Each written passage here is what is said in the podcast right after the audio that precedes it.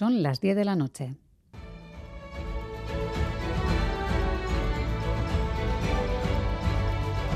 Radio Euskadi y Radio Vitoria.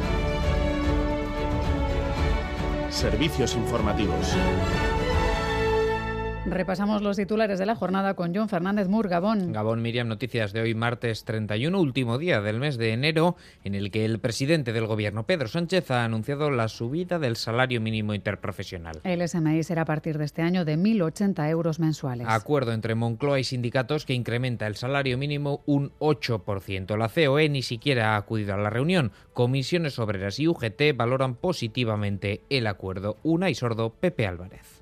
Hoy nos trae aquí una uh, medida de las que hacen entender la oportunidad y la utilidad de los marcos de diálogo y de concertación social. Esto es para mejorar la vida de la gente. Sabemos que el salario mínimo eh, interprofesional eh, va a ayudar a que eh, esa brecha se reduzca como se ha hecho en los últimos años.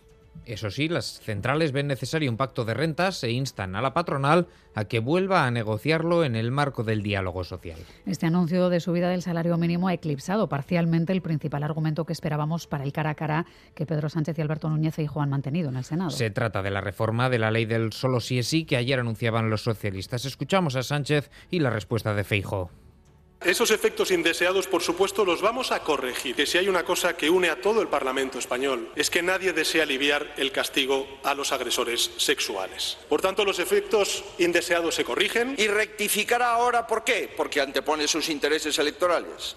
No da marcha atrás por decencia, solo lo hace por miedo. El presidente de los populares, aprovechando las discrepancias entre los socios del gobierno, ha vuelto a ofrecer su apoyo al PSOE para sacar adelante la reforma. Sobre esa reforma de la ley de el solo sí es sí, le hemos preguntado aquí en Gambara Inmaculada Poveda, vocal de la Asociación de Mujeres Juristas TEMIS.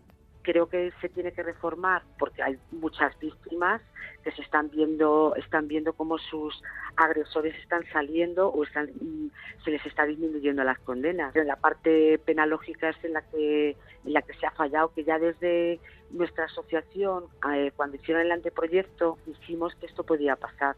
En Euskadi, PNV y PSE abren la puerta a una reforma de la fiscalidad. Lo hacen en un comunicado conjunto. Se habla de más progresividad, pero sin grandes revoluciones, porque tanto PNV como PSE parten de una valoración muy positiva de la última reforma fiscal. Ha garantizado, dicen, suficientes ingresos para los servicios públicos y para el impulso al tejido productivo.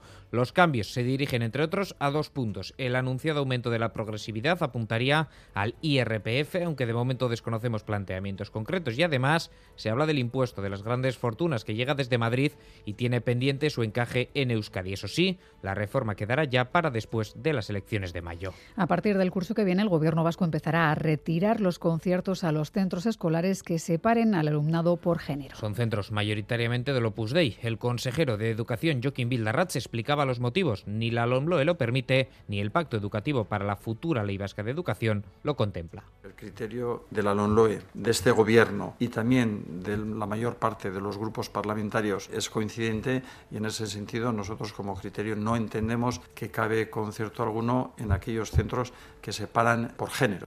La retirada de los conciertos, eso sí, se realizará de manera paulatina. El Tribunal de Justicia de la Unión Europea ha resuelto que un país miembro no puede oponerse a una euroorden de otro país de la Unión Europea, pero con excepciones. Sí, se pueden denegar las extradiciones si queda probado que el país solicitante, en el caso de los políticos del proceso España, va a vulnerar los derechos individuales o de un grupo identificable objetivamente. Es a este matiz, al sesgo represivo contra el independentismo al que se aferran estos políticos catalanes. El abogado de Puigdemont, Comini Ponsatí, Gonzalo Boye, aplaude el fallo.